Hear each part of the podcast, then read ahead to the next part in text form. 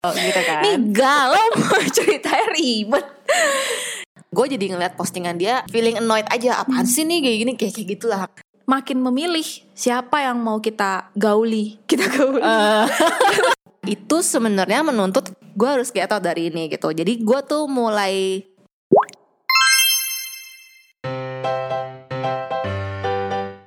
makin gede makin kecil Expect apa ayo? mungkin apa yo ini dengerinnya siang atau malam nih Waduh, waduh, waduh. Jangan-jangan ada yang sengaja dengerin malam gara-gara judulnya gini. tapi sebenarnya kita mau bahas apa sih Jul Kita mau bahas soal friendship ya, social circle. Ya, jadi konteksnya sebenarnya makin gede makin kecil adalah makin gede usia lo, makin tua ya, tua. Makin dewasa kali ya. Kayak gak enak banget gak sih makin gede gitu. makin gede angka Umur. usianya, Uh. makin kecil lingkup sosial lo. Berasa gak sih? Atau cuman gua sama Juli nih? Woi, lu gimana lo? Sama deh, berasa juga sih. Ini ada satu tamu tidak diundang ya. Nanti kita beberapa kali akan ngajak ngomong dia. Iya, kasihan kalau dia dicuekin. Iya. Jadi Terima kasih loh. sama-sama ya. Iya, jadi ini sih sebenarnya di umur kita di late 20s gini, kemarin kita sempat ngebahas bertigaan nih. Kok kita berasanya teman kita makin lama makin dikit ya. Dan nyambung juga sih sebenarnya dari dating app kemarin yang gue bilang kalau Iya, nggak ada kenalan baru dan lewat situlah kita bisa nambah kenalan gitu kan Karena udah nggak tahu lagi mau ke mana. Iya, dari seleksi alam ini tuh juga udah bikin semakin kecil sosial kita. Seleksi alam di sini maksud gue di mana lu dan teman-teman yang pada zaman mungkin sekolah itu tuh Yes. mulai ada yang berguguran, mulai- Berguguran pahlawan ya. maksudnya udah mulai berkurang. Kenapa harus pahlawan? Berguguran tuh bisa down gitu musim semi. Gak tau gue keinget taman makan pahlawan langsung Eh makan makam Aduh, Oke oke dari belum awal makan siang salah. Lagi nunggu ojol ayam geprek ini. Emang nih.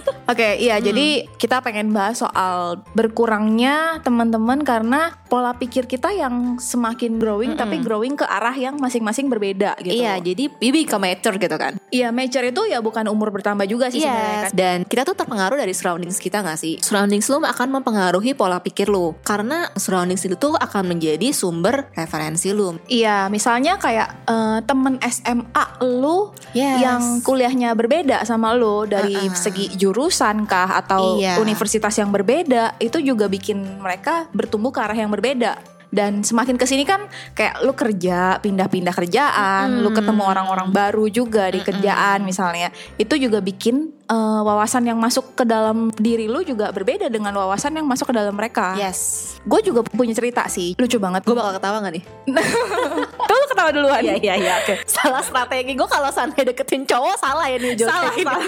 Niatnya mau ngegoda malah udah Fail, fail. culun sih emang jadi tuh gue kenal sama salah satu temen ini Hmm. dari zaman sekolah. Tapi lucunya pas zaman sekolah gue sama sekali nggak deket sama dia. Nggak ada ngobrol nggak ada apa. Tapi sekarang dari sejak gue kuliah gue mulai dekat dengan dia. Karena kita kuliah di jurusan yang sama. Dan kerjaan kita pun kurang lebih job desk-nya itu hampir sama gitu. That's why kita bisa sharing dari situ. Terus ternyata emang pola pikir kita pun sama. Dan ternyata lagi surroundings kita juga kurang lebih punya pola pikir yang sama. Dan ternyata kalau ngomongin surroundings punya pola pikir yang sama, Hmm. ini pernah kita bahas juga kan kalau sebenarnya hukumnya tuh magnet. Iya gak sih? Lu akan uh, attract dunia yang memang akan sama seperti lu. Betul. Gitu kan? That's why uh, mungkin lu akan merasa sekarang ini memang alamiahnya inner circle lu itu akan ya sejenis gitu kan pola pikirnya, interestnya. Tapi magnet di sini yang gue tangkep, Mm-mm. yang gue rasain juga, Mm-mm. ketika gue sudah ngehit umur segini. Karena pada saat sebelumnya, gue sifatnya bukan magnet nih. Gue kayak sifatnya lebih ke nyerap-nyerap gitu loh. Oh karena itu lu kayak nyari jati diri kedua gak sih? Kind of. Iya kan? Kayak Iya, iya. lu waktu pas lagi puber kan lu nyari tahu hal-hal Iya. yang baru kan? Iya, jadi kayak Nah, nyoba semua. Iya, kalau yang sekarang tuh lu lagi nyari nih. Lu tuh mau ke next stepnya itu mau yang seperti apa? Yang makanya ada yang namanya quarter life crisis ya. Iya. Lu kayak lagi nyari, aduh gue tuh mau menata masa depan gue seperti apa. Sampai akhirnya ketika late 20s lu sudah mulai tanda kutip lebih settle Hmm. dengan jalan pikiran lu gitu. Kalau gue pengalaman soal teman, Mm. jadi tuh gue punya temen yang gak deket eh mesti gini, gue punya inner circle gitu kan. Nih galau mau ceritanya ribet. gue punya inner Mesti cut satu menit ya. gue punya inner circle. Nah kebetulan uh, waktu itu gue berantem. Ini salah satu circle lu ya? Iya, gue pernah berantem. Ya lumayan hebat lah waktu itu sampai kayak diem sampai jambak-jambakan. Oh enggak enggak enggak. enggak. Tapi ya dulu kayaknya kalau cewek tuh akan ada zamannya ya. Lu diem dieman. Oh iya, Iya drama, kan? drama. Tapi juga gue nggak sampai kayak saling sindir di medsos tuh gue nggak sih. Gue cuma diem dieman. Gue orangnya lebih. Gak ada komen-komenan, gak ada. Enggak, enggak, Dan lumayan efek juga ke gue gitu. Hmm. Karena gue jadi ngeliat postingan dia feeling annoyed aja. Apaan sih nih kayak gini kayak kayak gitulah. Nah, tapi ternyata seiring berjalannya waktu nih, gue sama dia itu kuliah di tempat yang berbeda. Kerjanya beda. Dan ternyata ketika ketemu lagi, gue satu jalan pikiran sama dia. Udah nyambung. Iya, dan ternyata sampai sekarang jadi teman baik. Nah, itu Nah kebalikannya dengan temen gue yang selama ini adem ayem, nggak pernah berantem, mendadak jadi nggak sepaham lagi. Jadi kayak ketemu cuman general conversation Yes. gitu. Gue juga kemarin dengar cerita dari teman gue. Eh, jadi dia bilang kalau dia dengan teman-teman dia pada zaman sekolah, jadi kayak udah nggak punya topik pembicaraan. Jadi Hmm. ketika mereka ngumpul, topiknya cuma ngebahas tentang zaman sekolah. Atau nggak main handphone. Iya, atau nggak main handphone. Dan topiknya tuh kayak cuman iya, inget gak waktu dulu dia gini-gini Ah, gini di iya, sekolah. iya, iya. Boring juga ya, maksudnya nggak ada knowledge baru, nggak ada topik Iya, baru betul. yang lu bahas di sana. Bukan berarti kita menuntut untuk selalu new knowledge ya. Iya, Tapi enggak. I think usia kita tuh akan ada lah saling tuker pendapat pikiran lah. Betul betul. Contoh lagi kalau misalnya kita lagi curhat deh, kita pasti punya beberapa circle ya. Yap. Nah, kalau kita lagi curhat, kan kelihatan juga tuh. Misalnya circle A, B, C, D, gimana nih kalau ngasih advice? Ya. Gitu, pola pikir yang growingnya ke arah berbeda, pasti akan ngasih advice juga yang Iya, berbeda-beda. Gua, ketika gue curhat di grup dengan lu dan yang lain-lain, advice yang diterima totally different dengan grup gua yang gua kenal dari kecil. Hmm. Tapi bukan berarti advice-nya nggak oke, tapi ya dua perspektif yang berbeda gitu. Iya dan ini sebenarnya sometimes tuh terima pernyataan kayak gini gak sih? Hmm. Kok jadi terkesan picky, pilih-pilih teman Hmm. gitu. Padahal sebenarnya kalau menurut perspektif gue sih ya, eh, lu hanya tahu ke mana lu harus pergi di saat lu punya masalah gitu. Bukan berarti kalau yang nggak sependapat dengan kita salah. Jadi kalau gue nih soal curhat tuh, Hmm. eh, misalkan gue ada satu problem, misalkan problem family, gue akan lebih nyaman cerita ke inner circle yang A. Misalkan gue cerita ke inner circle yang B, kayak dijelasinnya udahlah sabar aja nanti juga akan berlalu. Lu positif aja. Sometimes tuh I don't need that kind of advice gitu loh. Tapi ya memang nanti topik yang lain ya Ternyata advice mereka ternyata pas mereka lebih lebih baik. baik gitu.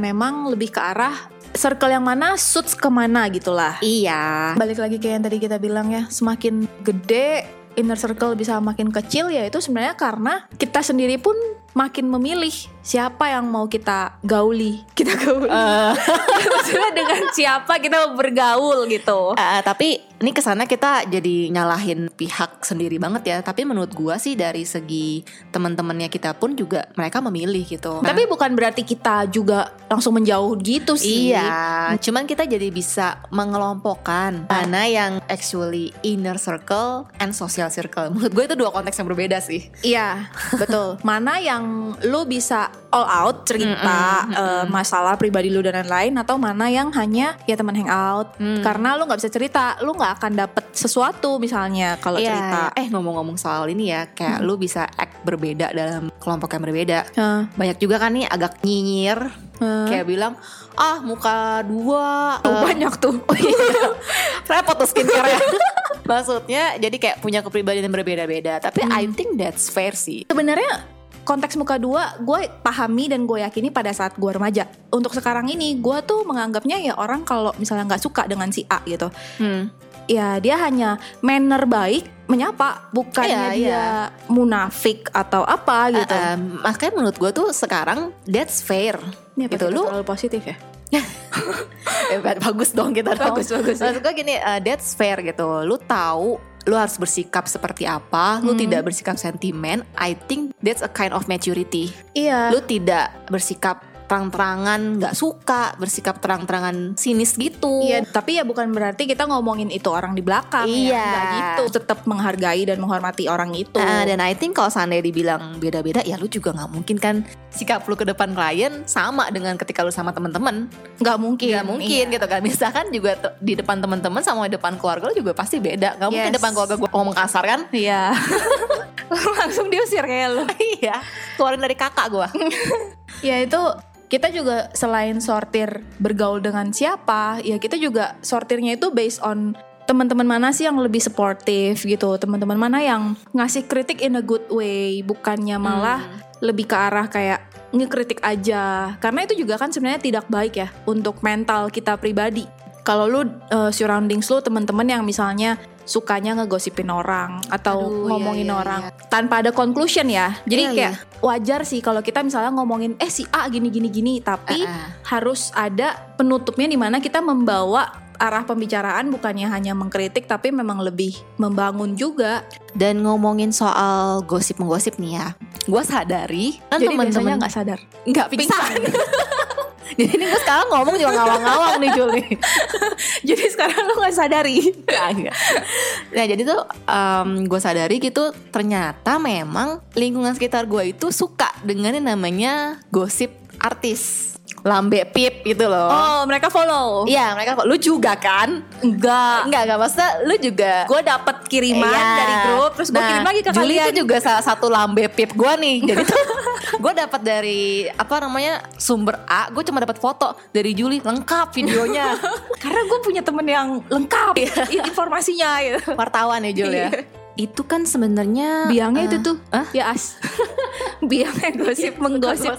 Nah, gue mengalami namanya social depression. Mhm. Eh, gue bener-bener tahap muak banget buka sosmed. Mhm. Atau seandainya gue muak ketemu orang-orang. Bukannya gue menjudge orang-orang itu buruk buat gue ya. Hmm. Tapi I think itu di masa gue persimpangan, gue mencari value hidup gue gitu. Value apa yang mau gue pegang sih sebenarnya? Eh, gue tidak menyalahkan mereka yang memberikan informasi ke gue tapi menurut gue itu karena waktu itu gue belum mature enough untuk menyaring apakah itu masuk ke eh, informasi ke gue atau enggak gitu. Jadi tuh Lu menanggapinya positif atau gimana gitu maksudnya? bukan gue lagi cerita ini jangan dipotong dulu maksudnya gue bingung gini. Enggak enggak Gue tuh agak depression karena ketika ketemu Ngomonginnya tuh artis A, artis B Tapi Oh. that's not my cup of tea Gue gak terlalu suka ngomongin kayak gitu Ah. Bahkan sampai waktu itu tuh sempat ada tuh yang artis yang cerai Terus Waduh, sampai siapa? ada masa gue sebutin sih Oh, iya gue udah bepip nih Iya. Tapi dikasih unjuk misalkan sampai chat Whatsappnya kayak gitu-gitu Nah menurut gue tuh itu udah matter of privacy kan Iya. menyalahi privacy Itu gitu. bukan sesuatu yang informatif untuk kita bahas anyway iya, gitu. ha-ha. dan ternyata yang bikin gue depresi adalah pas lagi di sosial media gue, yang kan suka tuh ada yang di bagian search Explore. Ah, explore-nya itu Mm. keluarnya adalah hal-hal yang seperti itu. Eh, algoritmnya si sosial media itu kan mengaturnya tergantung dari followers gue follow apa itu gitu. Ternyata kan kebanyakan seperti itu. Akhirnya gue sadar sejak gue denger eh, closing speech-nya si Obama pas lagi dia yang turun turun tahta lagi gue dipikir emang dia raja. Aduh. ya lu harus hati-hati dengan yang namanya social bubble. Social bubble itu artinya beda sama brown sugar bubble. ini gue gak selesai nih ceritain nih. Oke oke. Jadi itu namanya social bubble. Jadi terperangkap sama info yang ada di sekitar lu. Itu sebenarnya menuntut gue harus get out dari ini gitu. Jadi gue tuh mulai mensortir following gue yang memang interest gue. Itu yang ternyata tuh gue menganggap tadinya yang suka-suka artis itu pikirannya itu salah karena beda pendapat sama gue kan. Baru akhirnya gue merasa oh sebenarnya kan hal-hal kayak gini tergantung dari elunya. Hmm. elunya yang nyortirnya gimana? Enak gue pikir ya udah itu interest lu but not my interest. Lu kalau mau ngomongin boleh. Tapi gue juga harus punya kemampuan untuk kayak alihin percakapannya pelan-pelan gitu loh. Jadi doesn't mean kalau seandainya inner circle lu mulai berbeda dengan lu dia nggak jadi inner circle lu lagi. Buat gua ya oke sih. Ada beberapa teman gue juga yang bahas hal yang maksudnya eh, bahas soal artis dan lain-lain. Itu mungkin oke tapi harusnya itu menjadi sebuah selingan aja. Jadi bukan main topik yang lu bahas again and again and Iya, again. Iya. gue nggak terlalu nyaman untuk hal kayak gitu maksudnya itu hidup orang ya udah Ya biarin itu preferensi ya, preferensi. iya Bahkan kita aja nggak mau terlalu pedulin banget gitu hidupnya orang Iya. yang notabene temen ya. Ah, ah. Ini Tapi- artis gitu yang even kenal aja nggak. Ah, tapi Gitu. memang kan ada berapa yang ya udah itu anggap dari hiburan preferensi hiburannya orang berbeda-beda. iya betul makanya gue bilang that's not my cup of tea aja Hiburan kita kan stand up comedy ya. Eh, receh sih Jo sebenarnya sih Jo meme-meme receh gitu meme receh. Gue pengen sharing sedikit juga sih. Gue pernah di masa di mana gue punya banyak teman. Teman dalam artian gue bener-bener literally hang out with everyone gitu. Bukan kenalan ya. that's why you're extrovert 100% kan Iya, at that time. Eh, eh. Dan itu juga di masa ketika gue menyerap semuanya yang tadi gue bilang. Gue belum menyortir dalam tanda kutip ya.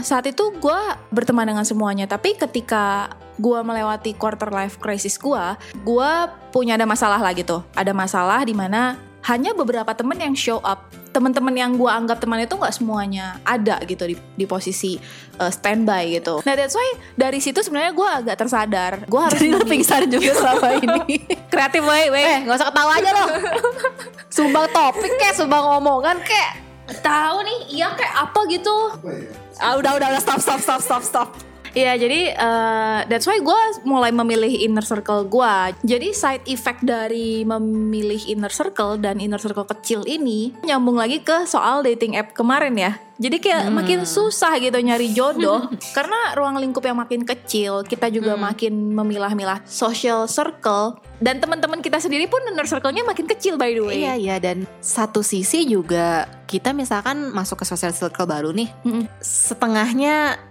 agak males buat menyelam lebih dalam gitu kan Mm-mm. Apalagi kalau seandainya dari awal udah kelihatan Aduh kayaknya gue gak cocok nih Kayaknya mereka gak sepaham sama gue nih gitu Iya Somehow tuh kemampuan kita untuk beradaptasi dengan sosial baru tuh jadi menurun gak sih? karena kita makin selektif dalam artian kayak kalau gua nggak growing more dengan berteman dengan dia misalnya nggak perlu tapi bukan dalam artian kita ngejauhin dia juga gitu Iya. cuman dia tidak termasuk ke dalam inner circle kita Hanya membatasi dalam mana topik yang kita mau kita omongin ke mereka. Iya, heeh.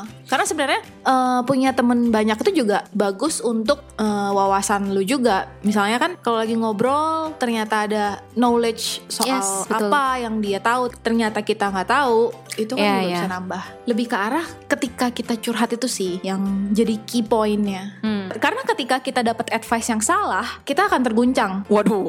Maksud gue tau lu mau ngejayus Udah udah udah Maksudnya terguncang adalah Lu akan makin nyaru Gue harus ngapain nih Karena advice yang dikasih sama dia begini Gini begini Makanya waktu itu yang tadi gue udah ceritain sebelumnya, gue sempat ada di fase di mana kok lu nasehatin gue kayak gini sih, kok lu malah memojokkan gue sih? Are you really my close friend gitu? Tapi ternyata setelah emosi udah mulai stabil, dia nggak salah. Dia merasa kita deket dengan mereka, jadi mereka pun lebih leluasa untuk membuka pikiran mereka ke kita. Tapi kitanya aja yang nggak bisa nerima. Iya Dan gue sudah berusaha ngetrain diri gue Untuk milih juga Misalnya gue mau ceritain soal masalah A Gue ceritanya kayaknya lebih ke Circle gue yang B aja deh Iya, Karena iya. kayaknya mereka pernah di sepatu gue gitu Hmm. Tapi ketika gue dapet masalah B, gue pikir circle A gue yang bisa lebih ngertiin, gue akan ceritanya ke mereka. Hmm. Jadi lebih memilah-milah di circle mana lu akan menceritakan masalah lu yang mana. Yap. Dan balik lagi kan circle lu itu harus yang suportif ya. It's okay to have only few friends, but they are all supportive. Ya, dan nggak berarti teman sedikit terus jadi misalkan lu kesepian atau terus konteksnya teman banyak terus lu jadi super gaul. Nggak juga betul. sih. Inner circle juga nggak mesti semuanya satu pikiran dengan lu. Iya, manusia itu kan different ya, Hmm. gitu kan. Mereka tuh growing tergantung dengan surroundingsnya.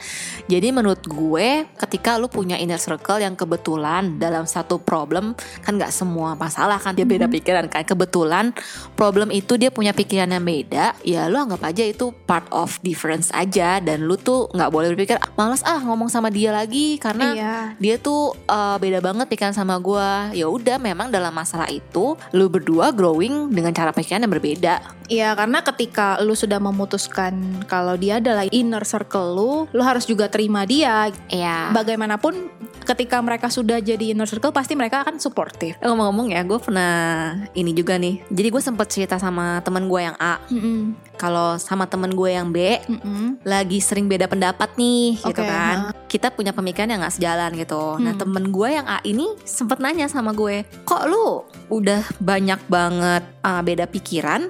Kenapa lu masih mempertahankan pertemanan lu dengan si B ini? Gue bilang sama temen gue yang A, gue cerita ini karena gue bagi butuh ember curhat aja gitu kan. Sometimes Hmm. ketika lu curhat kan, lu nggak selalu butuh advice Yes. lu cuman butuh tong sampah gitu kan lu Yes. cukup listening gue aja dan gue tidak ada konteks untuk menjelek-jelekan si B dan gue bilang sama teman gue yang A dari sekian banyak perbedaan gue sama B sekian tahun si B ini selalu stay sama gue gitu Hmm. udah menerima perubahan gue nerima kekurangan dan Lu. kelebihan gue sama kayak pasangan kan sama lu couple lu gitu kan dia yang stay sama gue di saat temen-temen yang lain ngejauh gitu jadi menurut gue tuh ya itu part of ketika lo ada perbedaan ya memang itu tugas lu saling menerima. Iya. dan memang setelah gue ceritain ke si temen gue A ini akhirnya kan si A mengerti gitu kan. Oh oke kalau gitu mungkin lo harus coba sekali-sekali lo ngomongin ke temen lo yang B. Pendapat lo seperti apa? Ya memang selanjutnya gue ngomongin ke temen gue yang B. Eh kemarin tuh gue sempat ngerasa kayak gini loh gitu. Jangan anggap ini sebagai perdebatan konflik tapi Hmm. kita saling memperbaiki diri. Mesti sama-sama sadar aja sih kalau pendapat itu nggak ada yang salah dan nggak ada yang benar. Jadi ketika ada satu masalah dan kita diskusi, gue punya cerita juga sih. Gue punya satu masalah dan ketika gue cerita ke satu teman gue ini, dia ngasih advice ke gue dan gue agak nggak begitu bisa relate lah dengan advice ini. Tapi dia state ini advice gue kalau gue jadi lu. You don't have to listen to me dia bilang. Ini adalah advice di mana lu bisa dengerin tapi nggak mesti lu lakuin juga. Jadi lu nggak Ah. perlu debatin apakah advice gue ini bener atau advice gue ini salah. Yes. Ya, jadi mau itu advice atau opini itu tuh nggak ada yang mana yang benar dan nggak ada yang mana yang salah dan nggak mesti juga lu harus ngikutin uh, advice-nya temen lu itu atau Hmm. opininya temen lu itu gitu. Mhm. Jadi yang nggak ada lah yang perlu di- didebatin untuk itu. Iya, dan berarti di sini kita ingin sebutin kalau ketika lu semakin bertambah usianya, lu mulai mengerti bahwa quality over quantity. Dan quality ini menurut gue juga nggak didefine dari seberapa banyak pengetahuan lu tentang orang itu. Jadi misalnya gini, gue ambil contoh soal kasus simple ya. Ingat ulang tahun atau enggak? Hmm. Ah, jadi waktu itu pernah gue sama teman gue lagi bahas, eh ah ulang tahun ya? Oh iya ya lupa nih ngucapin. Hmm. Terus teman gue kebetulan moodnya lagi jelek. Hmm. Jadi tuh agak skeptis banget tuh. Hmm. Dia bilang hal-hal kayak gini tuh yang nunjukin ya, apakah orang itu important in your life or not. Hmm, gue sempat agak debat dikit lah, debat halus lah ya, nggak jadi berantem. Gue bilang, "Eh, kayaknya hal itu nggak define deh, gitu. Karena No. menurut gue, ketika lu lagi hektik sama kerjaan, numbers itu tuh hal yang paling akan lu lupain. Kadang lu bisa lupa pin ATM sendiri. Eh, quality itu matters ketika memang teman lu lagi jatuh atau lagi Yap. sedih, you'll there for them. Yes. Ya memang ulang tahun adalah momen penting ya di hidup seseorang gitu. Iya, Benar, benar. betul. Tapi yang lebih penting adalah apakah lu maintain komunikasi dengan temen lu itu? Mm-mm. Apakah lu perhatian dengan dia misalnya ketika dia lagi ada problem yang dia sempat cerita di beberapa waktu lalu, lu inget nih tanya dia lagi gimana? Is Oh, it iya. getting better gitu. Ah, ya, Ya that's it lah. Eh, lu mau tambahan gak? Jangan cuma dengerin doang lu. Dia nambah ayam geprek. Eh. Nanti kapan-kapan kita akan undang dia jadi narasumber ya. Oke, Panggil saja dia. Mas bro. um, that's it for today's topic. Kalau seandainya ini jadi temen dengerin kalian pas lagi lunch atau ngantuk-ngantuk nih habis lunch, Atau kalian dengarnya mau bobo. we hope our topic bisa jadi support buat kalian kalau seandainya kalian lagi ada di persimpangan nih nyari harus ke mana sih gue nyari social circle atau misalkan aduh temen gue kok kayak gini Atau kalian lagi worry Kok temen gue dikit ya Iya. Tenang-tenang Kita tuh Tenang, lebih tenang. dikit kok temennya daripada kalian Oh iya, Pasti betul pasti As usual uh, Reach us to our Instagram And boleh kasih masukan atau feedback dari yang udah kalian denger di podcast ini. Yap, kalau ada ide topik yang memang pengen kalian denger dari kita juga, we welcome. oke see you on the next topic Bye. bye